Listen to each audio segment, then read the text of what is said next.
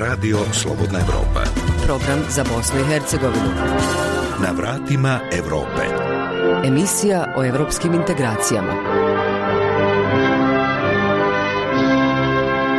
Srdačan pozdrav, poštovani slušalci, moje ime je Gojko Veselinović. U današnjoj emisiji poslušajte – u BiH ima na desetine industrijskih zona u kojima leže ogromne količine toksičnog industrijskog otpada koji truje građane, a vlasti ne rade ništa da ih otkriju i uklone čime svjesno ubijaju građane ove zemlje, kaže u intervju za Radio Slobodna Evropa profesor dr. Damir Arsenijević sa Univerziteta u Tuzli, koji je osnivač platforme za ekološku humanistiku Zemlja, voda, zrak iz Tuzle. U Bosni i Hercegovini ima nekoliko crvenih zona, takozvanih koje su najopasnije zone u Evropi i to je ono što je, što je predsjedavajuću. Znači mi se nosimo sa takvom količinom otrova koja je jeziva. I strašno je to da se, da se do sad ništa nije uradilo. Izvoz iz BiH za prva tri mjeseca ove godine već je za 18 odsto u odnosu na isti period prošle godine, ali to nije donijelo više novca privrednicima i radnicima. Vi ako želite dati veće plate, to podrazumijeva da naplaćujete skuplje svoj rad. Srednjoškolskom centru u Šamcu donirana STEM laboratorija vrijedna 20.000 maraka. To je specijalizovana učionica u kojoj naši učenici mogu na, pratiti savremene različite oblike nastave. U Unsko-Sanskom kantonu sprovodi se projekt sprečavanja vršnjačkog nasilja. Projekat zaista podrazumijeva intenzivan rad u školama, uključenost lokalne zajednice, saradnju škole sa centrima za socijalni rad, centrima za mentalno zdravlje, policijom, ali posebno saradnju škole sa roditeljima, odnosno porodicom učenika. Srebrenički malinari pripremaju se za novu sezonu. Ove godine očekuje cijena maline koja će definitivno biti visočija od protekle, ali ako se ovako nastavi sa tražnjom kvalitetne maline na svjetskom tražištu, naše proizvođači se mogu nadati dobroj cijeni. A sada prelazimo na najavljene sadržaje. Slušajte nas, gledajte nas, čitajte nas. Sve na jednoj adresi slobodnaevropa.org. Vlada Tuzlanskog kantona 11. maja imenovala je tim za analizu stanja opasnog otpada u industrijskoj zoni Tuzle, koji će analizirati stvarno stanje po pitanju količina i vrsta zaostalih substanci u krugu nekadašnjih fabrika HAK 1 i HAK 2 te nekadašnjem odlagalištu otpada u Moluhama. Ovim povodom razgovaramo sa profesorom doktorom Damirom Arsenijevićem sa Univerziteta u Tuzli, osnivačem platforme za ekološku humanistiku Zemlja, voda, zrak iz Tuzle, koja se bavi istraživanjima takozvanih crvenih zona u kojima leže ogromne količine toksičnog industrijskog otpada širom BiH. Pa evo, vlada Tuzlanskog kantona 11. maja imenovala je tim za analizu stanja opasnog otpada u industrijskoj zoni Tuzle koji će analizirati stvarno stanje po pitanju količina i vrsta zaostalih substanci u krugu nekadašnjih fabrika HAK1 i HAK2 te nekadašnjem odlagalištu otpada u Moluhama. Evo možete li nam vi reći e, imate li kakva saznanja o tome šta se tamo nalazi i koliko je to toksično i opasno za građane i okolinu? A, pa najprije ovo je odličan korak vlade Tuzlanskog kantona da konačno počne rješavati jednu ekološku bombu koja se nalazi u Tuzli, a i u cijeloj državi ta uh, ekološka bomba po svojoj, uh, po svom sastavu zaista prijeti da uništi veći dio naše zemlje i da ga zagadi bespovratno. Moram isto tako da kažem da je ohrabrujuće jer je ovo rezultat napora aktivista i aktivistica iz Tuzle, okupljenih oko platforme Zemlja, voda, zrak, da svojim radom zajedno sa bivšim radnicama i radnicima Haka apeliraju na javnost i apeliraju na vladu Tuzlanskog kantona da konačno počne rješavati a, ovaj problem toksičnih i opasnih hemikalija koje se nalaze na području ne samo fabrike HAK1 i HAK2, već evo i naselja Moluhe, a, gdje se opasni kruks raznosio, odnosno deponovao i kasnije raznosio i ljudi ga koristili da asfaltiraju pristupe svojim kućama. Znači, ono što jeste jako bitno je da je ovo prvi uspješan pokazatelj kako a, a, civilno društvo može da utiče na rješavanje jednog ogromnog problema u Bosni i Hercegovini, a to je problem ekološkog nasilja.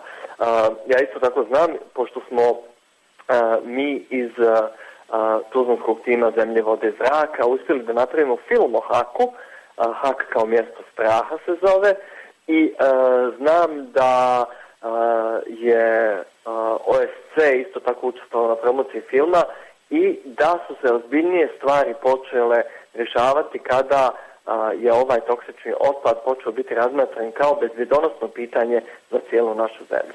I Tuzla jeste jedan od početnih primjera kako možemo ovo skupa da rješavamo. Ja znam da se iste stvari dešavaju i radimo ih i u Banja Luci i u Mostaru.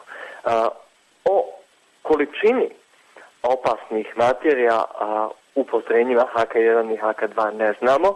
Mi smo dvije godine radili zajedno sa radnicama i radnicima Haka na rekonstrukciji onoga šta je dole preostalo. Mi otprilike znamo da ima 40 tona visoko zapaljivog propilen dioksida, da ima nekoliko hiljada tona kruksa koji se našao i u moluhama, koji je nepropisno deponovan, da ima hlora koji je, kao što znate, visoko toksičan a, gas i da ima žive koja je jako opasna, a koja je nezbrinuta i nalazi se u slivu rijeke Jala, koja kasnije može otići sve dalje do, do Save i dalje, i u Dunav.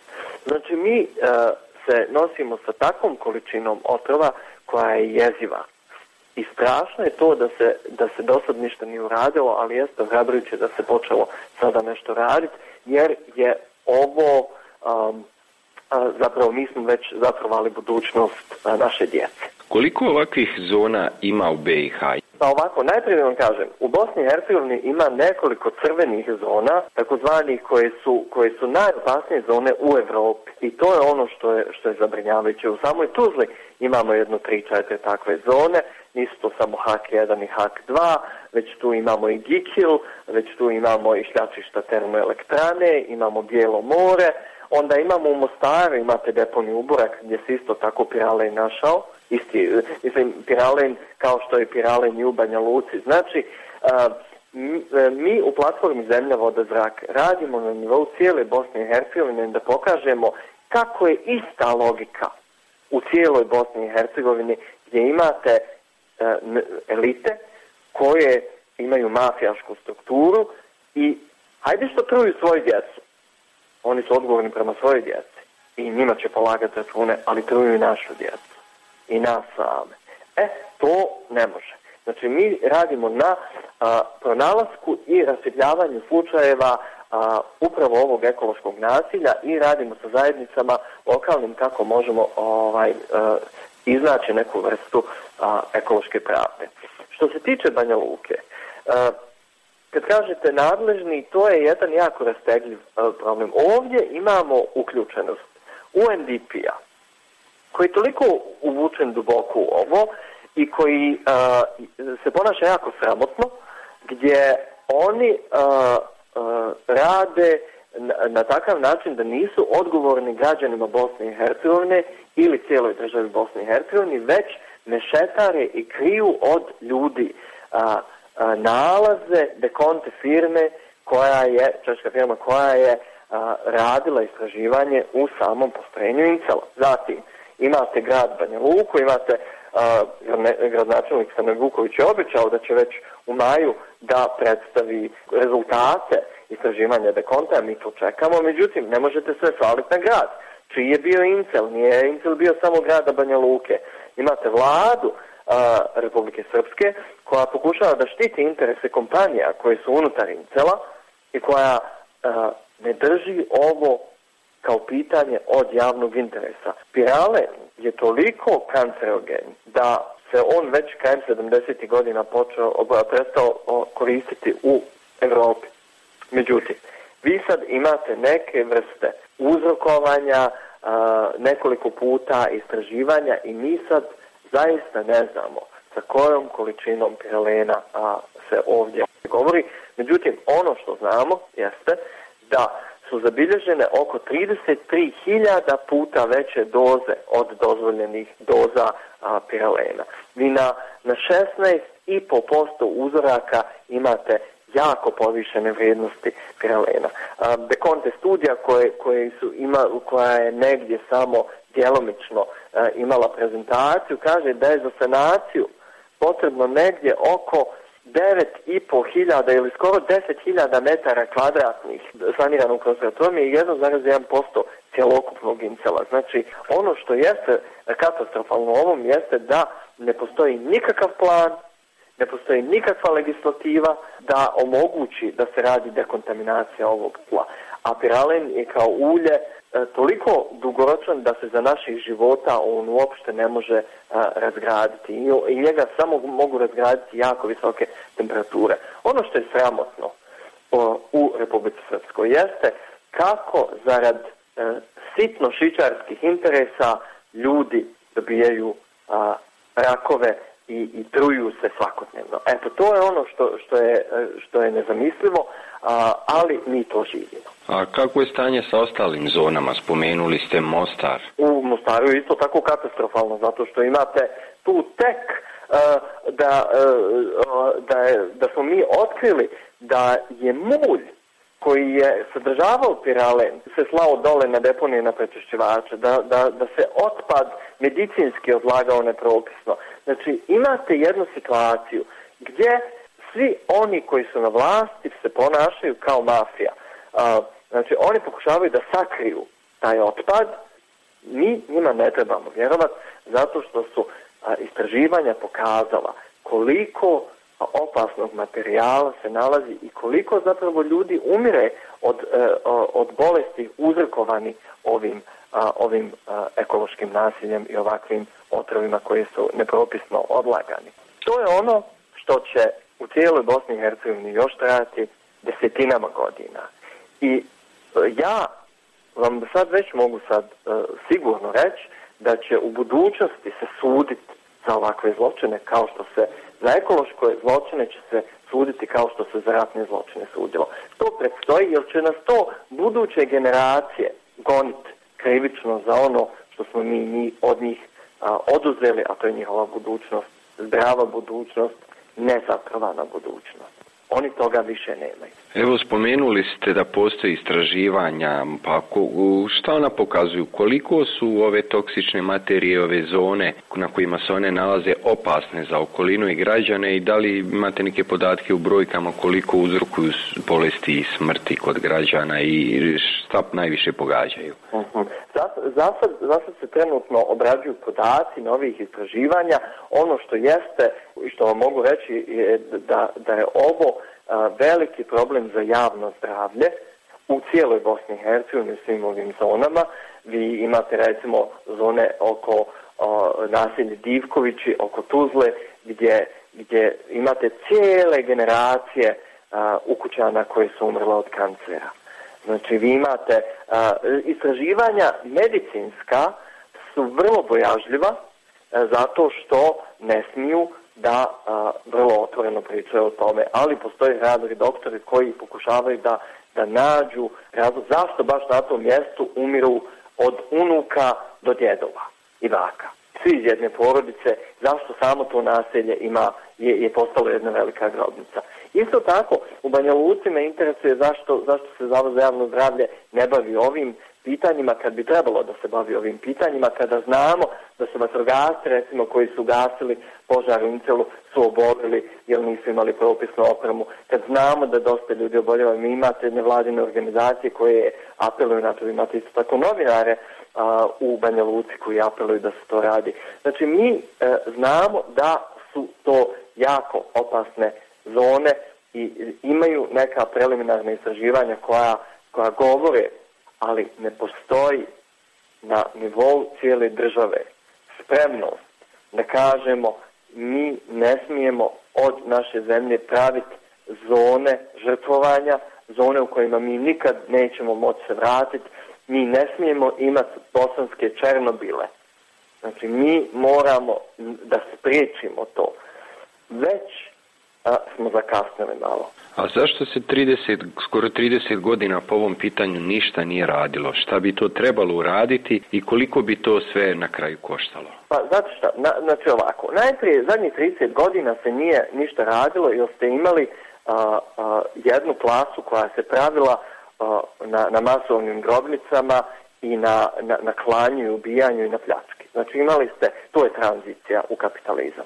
Imate sad jednu klasu ljudi koja je zataškavala a, zločine i koja i danas dan na, nastavlja da se bogati na tome, pa njima nije u interesu da se ovim bave. Mi od njih i ne možemo očekivati da se ovim bave. Oni će svoju djecu i svoje voljenje zbrinut, poslaće ih našim ukradenim parama u inostranstvo da žive veseli i zdravi. I to je to. Znači mi od njih ne možemo očekivati to. E, nije se isto tako de, e, desilo zato što vi imate konstantno prebacivanje odgovornosti s jednog na drugi na treći nivo. To je lov u mutnom, da se ne bi ništa uradilo. I treća stvar, koliko će to da košta, pa evo, ko, košta nas prvo života. Mi smo izgubili ljude koji su umrli, ne, ne samo odrasle ljude, stare ljude, bolesne ljude, nego i djecu zbog ovog zagađenja.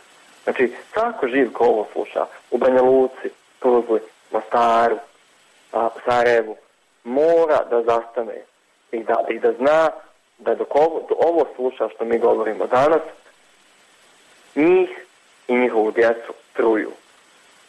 Bezočno i bez ikakvog stida, jer što bi ga imali. Ne, ne imaju nikakvog stida, znači oni, oni će to i da nastane. To košta puno. Evo recimo, a, ono što će u Tuzli pokušati da urade kada saniraju ovaj otpad a, kruksa, jeste da recimo za izvoz jednog kilograma ovog toksičnog otpada da bi se sanirao to košta 2,5 marke po kilogramu zemlje. E sad, ako vi imate oko 2,5 hiljade tona takvog materijala, vi, e, mi govorimo sad o milionskim iznosima i to je samo na jednoj lokaciji tu. Znači nama će trebati stotine miliona maraka, eura, bilo koje valute. Moramo da napravimo strategiju kako da do ovog više ne dođe. Isto tako, ne možemo dopustiti da nečiji pojedinačni interesi i krađa budu stavljeni van ikakve nekažnjivosti i ne možemo dozvoliti da ti interese prevladavaju opšti javni interes. Eto, hvala vam puno, gospodine Arsenijeviću, na ovom razgovoru. Hvala vam. Svako dobro. Reforme za Evropu. Za Evropu. Izvoz iz BiH u zemlje EU u prva tri mjeseca ove godine za oko 18% veći je u odnosu na isti period prošle godine. Međutim, podaci o povećanom izvozu ne znači da se u BiH poboljšao poslovni ambijent, niti da su domaći privrednici postali plaćeniji na evropskom i svjetskom tržištu. O čemu se radi, istražio je Arnes Grbešić. Kako da bosansko-hercegovačke firme zarađuju više na tržištu Evropske unije? Odgovor na to pitanje nije jednostavan, kaže privrednik iz Tešnja Senat Brka. U svakom slučaju podrazumijeva ozbiljne društveno-ekonomske reforme unutar države. To je prvi uslov da jednostavno nas drugačije posmatraju. Znači, Bosna i Hercegovina se gleda više kao socijalna država, nikako kao neki ekonomski faktor ono što često političari koriste e, jeftinu radnu snagu kao komparativnu prednost je totalno nazadna stvar. Političari se hvali da je u prva tri mjeseca ove godine u poređenju sa istim razdobljem lani porastao izvoz iz Bosne i Hercegovine. Statistički podaci ne otkrivaju po kojoj cijeni domaće firme rade za evropsko, odnosno svjetsko tržište. Stranci prate kretanje stanja radne snage i cijena na tržištu. I oni odlično znaju koja je cijena radne snage u Bosni i Hercegovini. Vi ako želite dati veće plate, to podrazumijeva da naplaćujete skuplje svoj rad za stranca. Međutim, stranci to odlično prate i, i kreću se u tim nekim regulama i oni sigurno neće preplatiti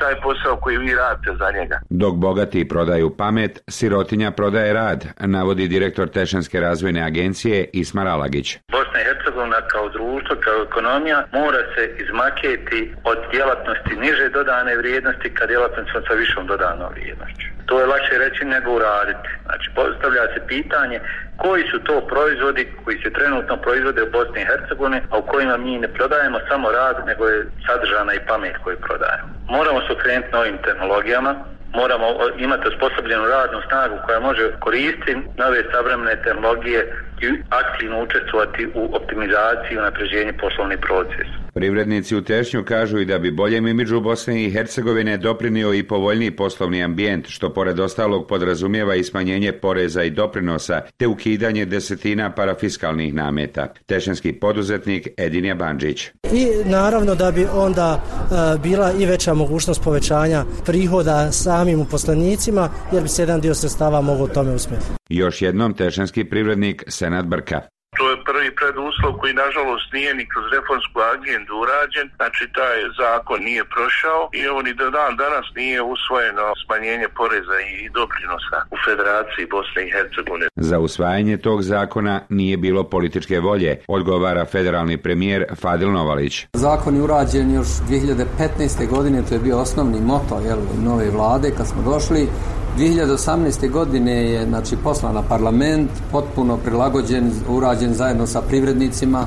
Tamo je poznato da sa 41,5 na bruto pada na 32,5, ima i neke permutacije s toplim obrokom, jeli regresom, ali je to radikalan zakon koji je znači rasterećenje privrede. Parlament nije, dakle, našo većinu da ga usvoji. Pokušaj je bio prošlog septembra i bit će ponovo i ovog ljeta pokušaj da to uradimo. Za radio Slobodna Evropa iz Tešnja, Arnes Grbešić.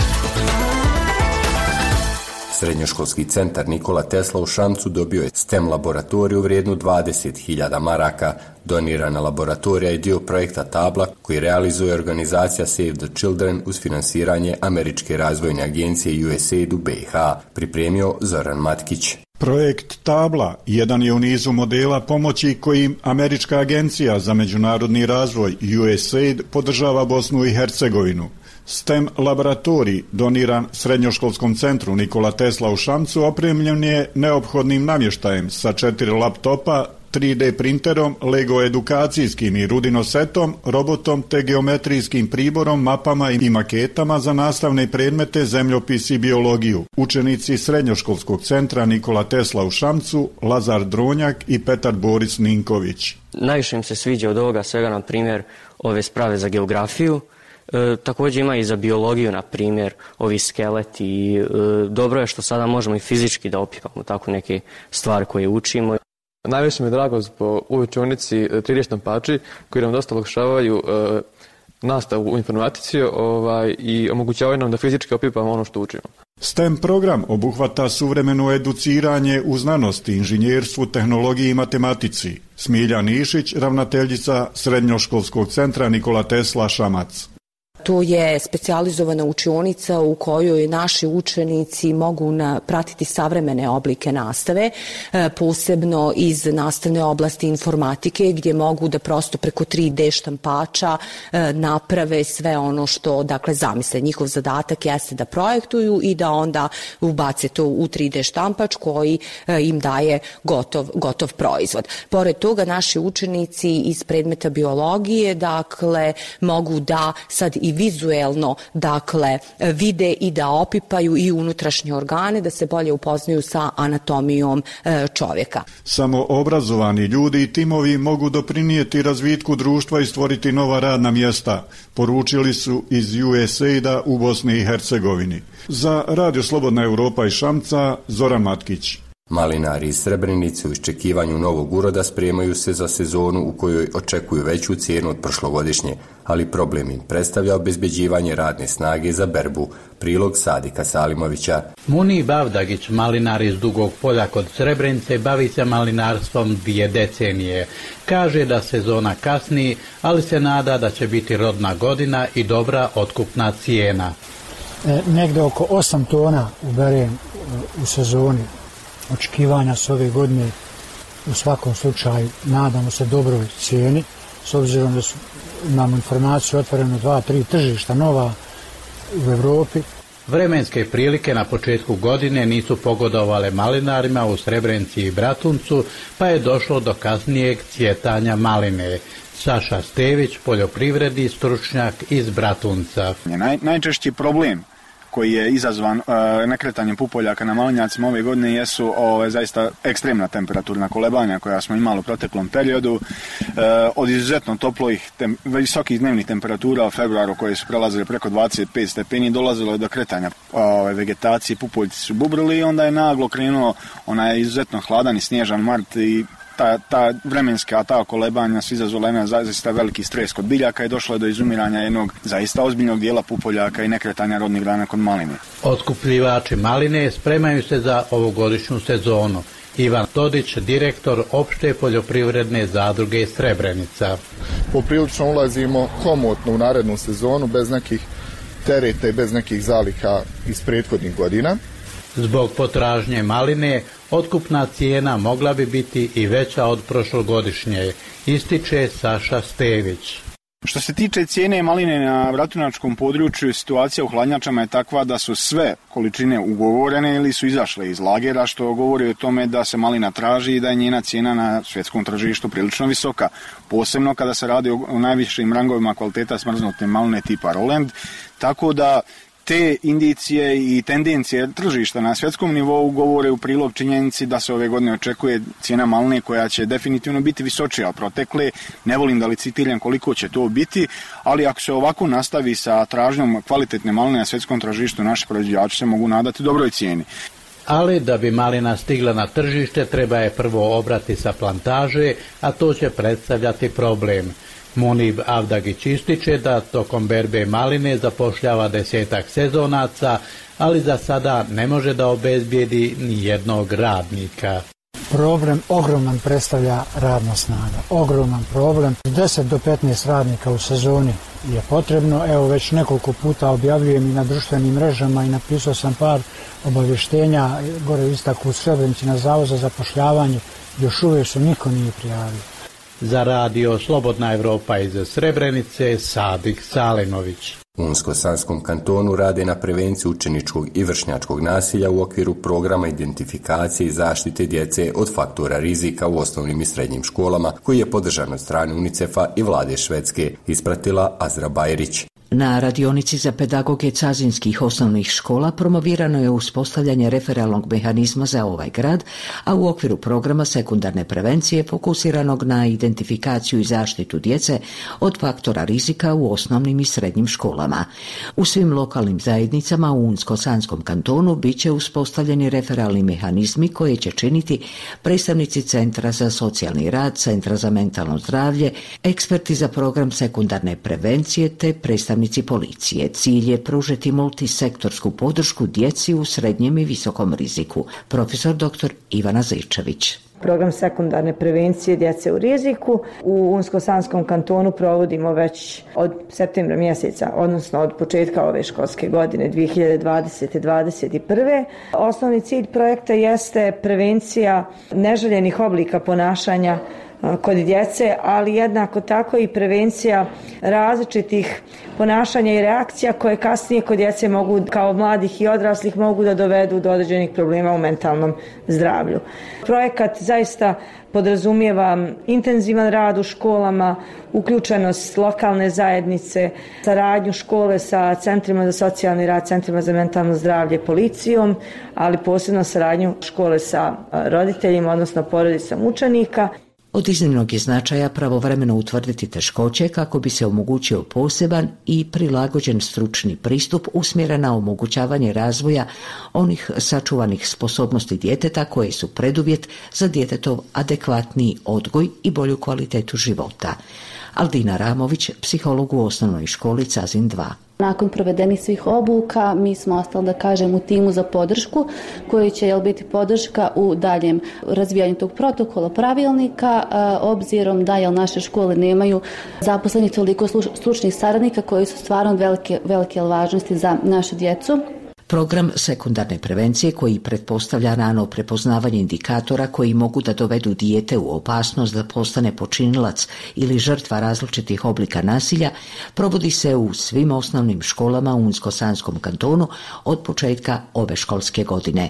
U kantonalnom ministarstvu obrazovanja, nauke, kulture i sporta rade na izradi podzakonskih akata, a partneri su UNICEF u Bosni i Hercegovini i organizacija Genesis Projekt, dok se program realizira pod pokroviteljstvom vlade Švedske. Za Radio Slobodna Evropa, Azra Bajrić. Bilo bi to sve za ovaj put. Pratite zanimljive sadržaje Radija Slobodna Evropa i dalje putem Radio Talasa i naše web stranice slobodnaevropa.org na kojoj možete pronaći podcaste za viri ispod površine glasom mladih i između redova.